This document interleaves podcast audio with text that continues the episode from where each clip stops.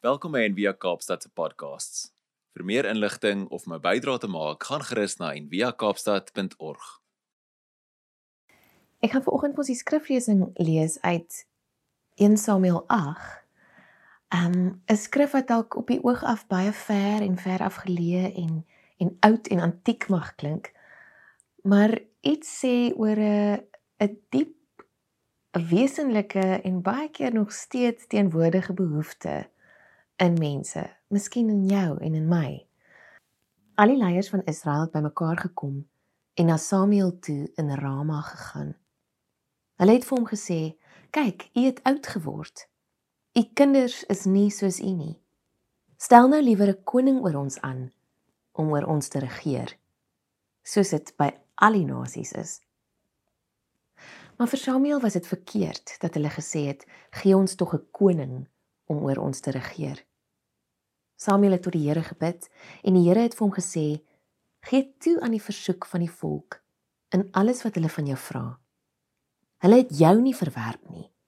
Hulle het my verwerp as koning oor hulle. Hulle het nou ook met jou gemaak wat hulle met my gedoen het sedert ek hulle uit Egipte laat trek het tot nou toe. Hulle het my verlaat en ander gode gedien. Gee nou maar toe aan hulle versoek. Stel die saak net baie duidelik aan hulle." Sê vir hulle wat die reg van die koning is wat oor hulle sal regeer. Samuel het al die woorde van die Here oorgedra aan die volk wat van hom 'n koning gevra het. Maar die volk het geweier om na Samuel te luister. Hulle het vir hom gesê: "Nee, daar moet tog maar 'n koning oor ons wees. Ons wil ook soos al die nasies wees. Ons koning moet oor ons regeer. Hy moet ons lei en ons oorloof voer. Hierdie Sondag begin ons met die lang tydperk van koninkrykstyd, oftewel in Engels ordinary time. Dis die langste seisoen in die in die kerkjaar wat so kan hier en daar onderbreek word met 'n paar feesdae en korter, ook soos nuwer seisoene wat in die laaste eeu, nie dis nou dis die laaste eeu wat in die laaste eeu in die kerkjaar bygevoeg is, soos barmhartigheid en skepingsseisoen. Maar selfs daai is nog steeds deel van hierdie lang tydperk van nou af tot by Advent wat ons noem koninkrykstyd of ordinary time. Die rede hoekom ons by Envia en baie mense in baie kerke die kerkjaar volg, is dit gee struktuur aan ons lewe. Dis 'n geloofsgewoonte net soos stilte is of om op 'n retreat te gaan, is dit 'n spiritual practice, iets wat help om jou te vorm, wat help om jou lewe te bou en te transformeer. Dit nooi jou uit om deel te word van God se storie, om deel te neem aan God se storie uit die skrif soos dit afspeel en ook om so deel dit dan so deel te maak van jou eie lewe. So hierdie tyd is die tyd na Paasfees, obviously na Pinkster en dis die tyd waarin ons as kerk, as mense wat agter Jesus aanloop, moet uitpleis hoe lyk die lewe in die koninkryk. Daarom noem ons dit koninkrykstyd. Dink daaraan aan die kerkjaar as 'n kaart vir spiritualiteit. 'n Kaart help jou om te kan dit 'n plaas waar jy nou is en dan waarheen jy moet gaan. En die kerkjaar doen dit soos enige tyd van die jaar wanneer jy nie weet wat om te doen nie, dink wat sal ek nou doen aan hierdie deel van my lewe? Wat moet ek nou doen in my spiritualiteit? Dan kan jy jouself so orienteer deur die kerkjaar te gebruik. Byvoorbeeld, as dit lent is, dan weet jy tydens lent of lydenstyd dan vas ons en ons bid en ons gee ekstra weg wanneer dit uh, advent is, praat ons oor afwagting en ons sit baie in stilte. En wanneer dit Paasfees is, gaan dit oor feesvier en gasvryheid en mense innooi. So jy kan nie weet wat om te doen nie, dink dit was 'n tyd van die jaar, is dit in die kerkjaar en dan doen jy daai geloofsgewoontes, daai practices wat voorgeskryf word vir daai tyd van die jaar. En so koninkrykstyd gaan oor om jou beeld van God mandaat iets wat ons baie oor praat, jou beeld van God mandaat uit te leef binne in die alledaagse en gewone lewe. So ek hou van die Engels ordinary time. Want die grootste deel van ons lewe is maar gewoon. Melk en brood koop, kinders by die skool aflaai, werk toe ry, spreadsheets bou, wat ook al of 'n uh, weet melk, almond melk en uh, almond meel brood koop as jy in die Kaap in die Kaapstad bly, whatever. So die vraag is wat ons dan vir mekaar vra is hoe lyk die koninkryk in hierdie gewone kan ek dag tot dag ordinary lewe. Annie Dillard beskryf dit so mooi in een van haar boeke. Sy sê how we spend our days is of course how we spend our lives. What we do with this hour and that one is what we are doing. A schedule defends from chaos and whim. It's a net for catching days. Nie mooi? A schedule defends from chaos and whim. It's a net for catching days. It's a scaffolding on which a worker can stand and labor with both hands at sections of time. In irregular beteken ook soos kind of stit of trellis of lynmerker. The schedule is a mock-up of reason and order, willed, faked and so brought into being. It is a peace and a haven set into the wreck of time. It's a lifeboat on which you can find yourself decades later, still living. Dis wat die kerkjaar is. Dis hoekom dit so belangrik is. Dit gee vir ons hierdie struktuur om ons lewens mee te bou. So reg, kom kom by vandag se teks uit. So ons is in die vir die volgende 3 Sondae in die boek van 1 Samuel. So 1 Samuel en 2 Samuel is eintlik een boek, net Samuel. Maar in die antieke tyd het was die scrolls wat hulle opgeskryf het net so lank. So hulle kon nie dit ons hulle kon nie dit forever and ever aanhou skryf nie. So daarom is 1 Samuel en 2 Samuel. So hierdie boeke of book is die baie bekende verhale van Samuel, nou obviously nat natuurlik en dan Saul, Dawid en Salomo. So is klassieke sonnaarskool stories. So baie keer dan weet dan stap ons sommer verby hierdie boeke oor en uh want omdat ons ken dit so goed. Jy dink eintlik jy ken dit so goed. Ons almal dink ons ken dit so goed. So en ons kom ons wil eintlik net gaan lees in die evangelies oor Jesus of ons wil Paulus se teologie en sy spiritualiteit en goeders lees en hierdie sonnaarskool goed los sommer agter. Maar hierdie stories en hierdie goeders is natuurlik in die Bybel vir 'n rede. So hierdie en hierdie stories in Samuel gaan oor konings, reg? Saul, Dawid, Salomo en dis lekker om met dit te reis met hierdie ou boeke of boek en so met koninkrykstyd dan nou mee af te af te skop. So ek wou net sê dis vir dit was so moeilik terwyl ek hierdie preek gemaak het. Dit was so frustrerend want Samuel veral en die hele Bybel is geskryf in 'n soos 'n baie patriargale tydperk en alles gaan oor die mans of groot dele gaan oor die mans en veral in konings is dit nogal vir my besonder erg. So dit is baie moeilik om te preek uit en almal in te sluit. So ek weet nie, almal moet net kan vergewe en as ek nie heeltyd sê koning en of koningin of uh, hy en of sy of hulle die heeltyd nie, net ek gaan net gaan met konings, maar julle weet almal dit sluit almal in, man, vrou, almal. Reg? So ons het dit nou daar gelaat. So ons teks vandag is 1 Samuel 8 waar die volk, die Israeliete, vra vir Samuel vir 'n koning. Baie baie bekende teks. God waarsku hulle daarteenoor hy dat hierdie nuwe koning, hy sê hulle hy gaan laat julle belasting betaal, 'n tiende van julle vee, 'n ehm um, weet van julle van julle oes, al hierdie goederes, hy gaan laat julle belasting betaal. Hy gaan julle seuns vat om voor sy waans uit te hardloop en vir hom te veg. Hulle gaan hy gaan jou dogters vat om vir hom te werk en al hierdie slegte goed wat gaan gebeur. En uh, maar die volk dring aan. Hulle sê ons soek 'n koning. En hulle sê hierdie line, hulle sê dit twee keer in die gedeelte wat ons gelees het. Hulle sê want ons wil soos die ander nasies wees.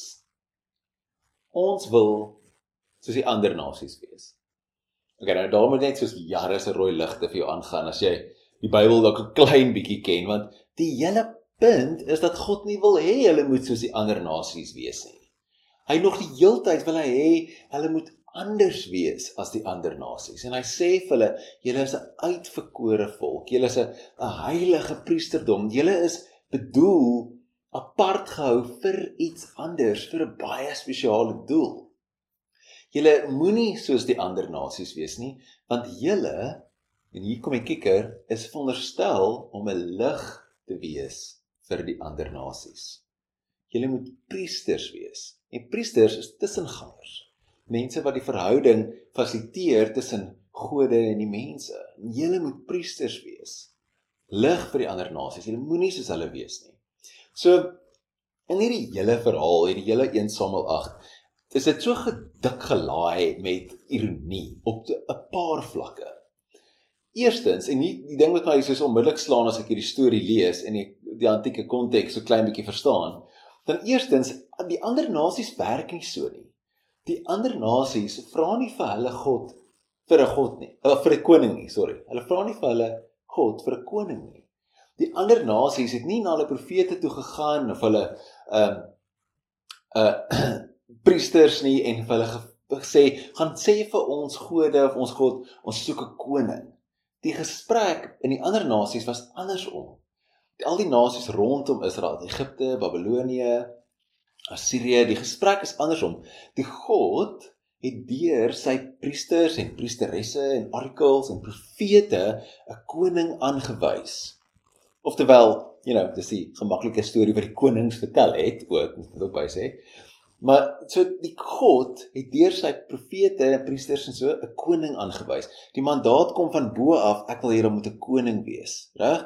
So die ironie, hulle wil soos die ander nasies wees, maar die ander nasies het nie so gewerk nie. Daar's 'n 'n 'n baie baie bekende hulle noem dit die kode van Hammurabi.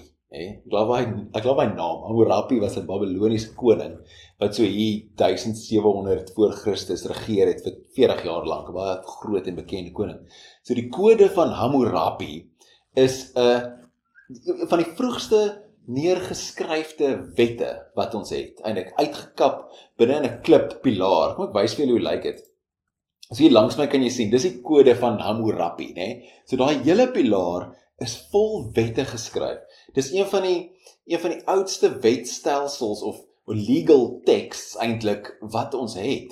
So as mense as mense dan die na die na die beeld, na hierdie pilaar van die kode kyk van hierdie wette, dan neem mense aan dat Hammurabi die koning die een op die troon is. Reg? Dit kan maak sin. Kyk, Hammurabi was 'n groot koning. Ek dink dit is 'n great naam. Jy moet net hulle seun vir hulle dogter iewers Hammurabi noem. Ek is awesome. So, in elk geval. So, mense dink baie keer dat dat Hammurabi is die een op die op die troon, hè, want hy is die koning. En dan mense kan dink dat dis dis 'n baie aanvaarbare fout wat mense maak, maar dit is nie. Want in werklikheid as jy die kode lees, dan sit Hammurabi nie op die troon nie maar hy is die staande ene daar een aan die linkerkant wat nederig kan dat die scepter ontvang van Marduk. Marduk was 'n Babiloniese god gewees, die groot die groot bekende Babiloniese god nou. So dis andersom. Dis ek die punt wat jy moet onthou, is andersom. Die gode initieer die koningskap, nie die volke nie. So selfs al dink die Israeliete, hulle wil soos die ander nasies wees deur 'n koning te hê, het hulle soos die kat in die stert beet. Reg? So idee daar en ons nog nog 'n laag ironie, want ons wat die hele Bybelverhaal ken, die hele storie kan ek kan terugstaan en die hele storie kyk, dan besef ons die Marduk beeld, hierdie kode van Hammurabi, is op 'n baie baie vreemde manier eintlik nader aan God se plan. God maak die mens in die tuin in sy beeld. En hy sit sy mandaat op hulle en gee hulle dan opdrag om te regeer. Oor die visse in die see, die voëls in die lug, die diere, alles. Om die aarde te bewoon en te bewerk. Die verskil, die groot verskil tussen Marduk hier langs my en Yahweh is dat Yahweh nie net een koning kies nie kies almal.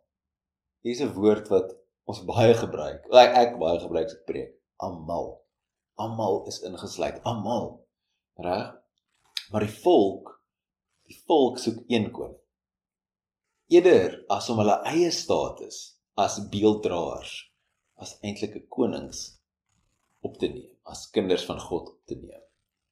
En dit is die groot ironie. So so 'n paar gedagtes Wanneer ons hierdie storie lees, weet hoe hoe maak dit sin in ons dag tot dag lewe? Wat maak dit nou saak hierdie vreemde ou storie in 'n volk wat 'n wil koning wil hê en 'n God wat vir hulle sê nee maar jy kan nie 'n koning kry nie of jy moenie 'n koning vat nie want dit gaan sleg wees vir hulle, maar dan sê God in elk geval ek is reg, jy kan 'n koning kry. So daar's 'n paar goedjies wat kan op uitstaan in hierdie storie. Een, soos God laat ons ons keuses toe. En hy gebruik dit steeds. So hierdie is 'n groot groot ding om te verstaan van God. So God, hy sê hy sê self vir Samuel, hy sê twee keer vir Samuel, hy sê luister vir die luister vir die mense. Die grondteks sê eintlik wees gehoorsaam aan die mense, doen wat hulle wil hê. So hier in hierdie klein stukkie teks het ons 'n baie belangrike oomblik wat kan ons kan help hoe om swaar kry te verstaan. Dit is 'n oomblik waar God sy eie autoriteit prysgee en eintlik op 'n manier oorgee aan die mense. Mense toelaat om hulle eie besluite te neem.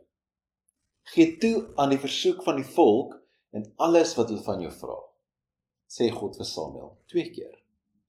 So nie in net in hierdie deel is daar so baie.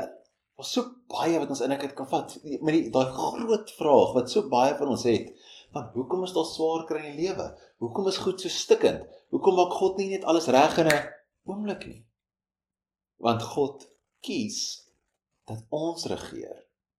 Hy kies om homself in te perk, selfs al maak ons swak keuses. En vir die van julle wat kinders het, verstaan daai so goed. Dis soos, soos wanneer jy toelaat dat jou kinders hulle eie kop volg, selfs al weet jy verseker dat hulle daai selfde kop gaan stamp. Want jy is lief vir hulle. Jy wil hê hulle moet groot word, hulle moet verstaan. So, dis vir my so interessant eintlik dan hoe die eerste kommentaar in in hoofstuk 9, die eerste kommentaar wat ons het oor Saul in die volgende in die volgende hoofstuk, né? Saul, die koning, die eerste koning Die eerste kommentaar wat ons oor hom het in die volgende hoofstuk is dat hy hy's lank en aantreklik. Hè? Nee, niks oor sy karakter, hoe hoe braaf hy is, hoe kind hy is, hoe wys hy is of niks nie. Sy eienskappe wat hom goed genoeg maak, is hy's lank en mooi. En nou, mens kan absoluut ver gaan sê, maar dis die dis die mense se keuse of dis hulle opmerking oor hom. Dis wat hulle raak sien, hy's lank en mooi.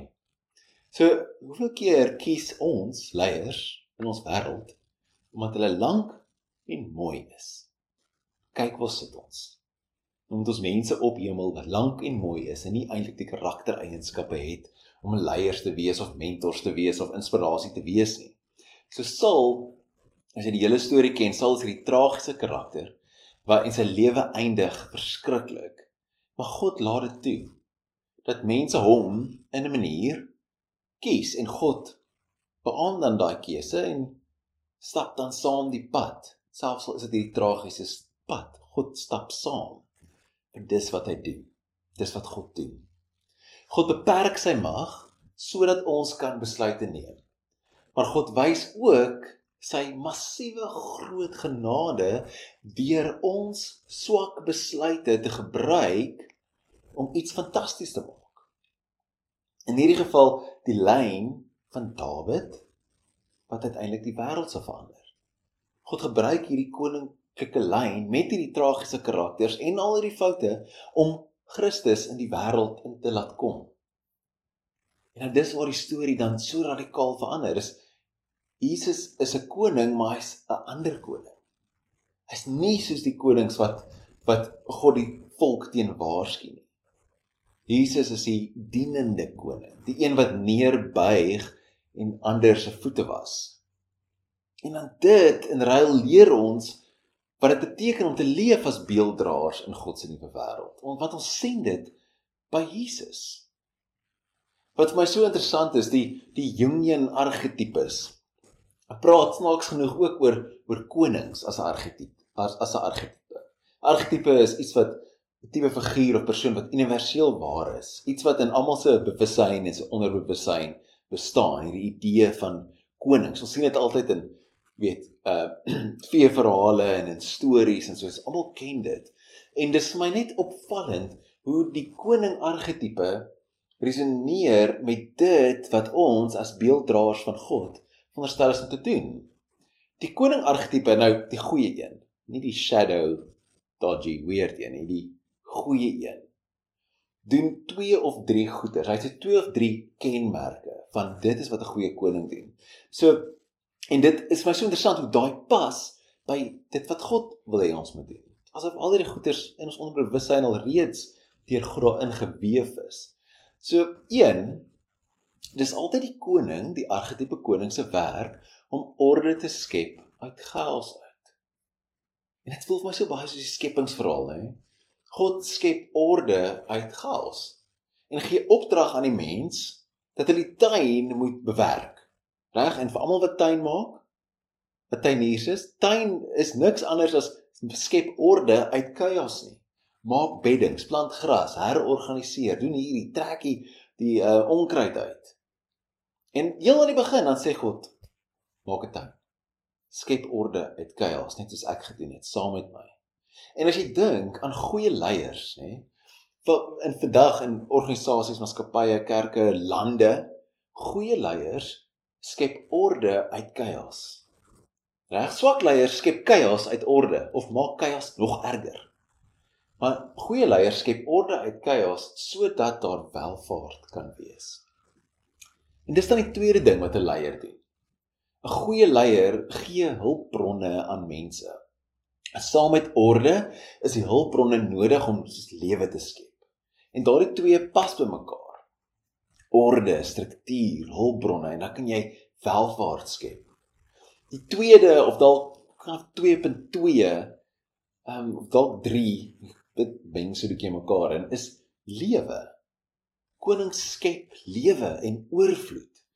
Die konings en al die mites en die stories wat ons ken, het altyd baie kinders. In die Bybel ook. Die konings het baie kinders, nê? Baie kinders en baie vrouens. En dan ook baie geld. Konings is altyd ryk. En dit is altyd vir my so interessant. Prinse, hulle kan 'n prinses red, maar dan eindig die storie ook daar, nê? Amper soos 'n hond wat 'n kar gevang het en nou weet nie eintlik wat om te doen nie.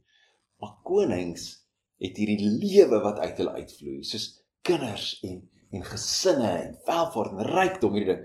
En konings bring welvaart. En as jy dink aan die tuin van Eden, wat is God se se opdrag? Vermenigvuldig. Vul die aarde, word meer.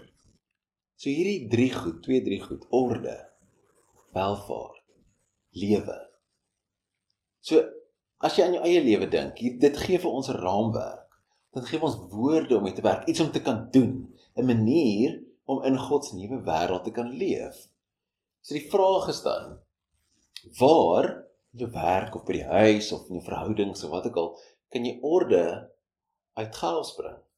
Selfs in die kleine, net 'n stukkie gemors optel in die straat as jy verby dit loop. Of dalk juis in die kleine.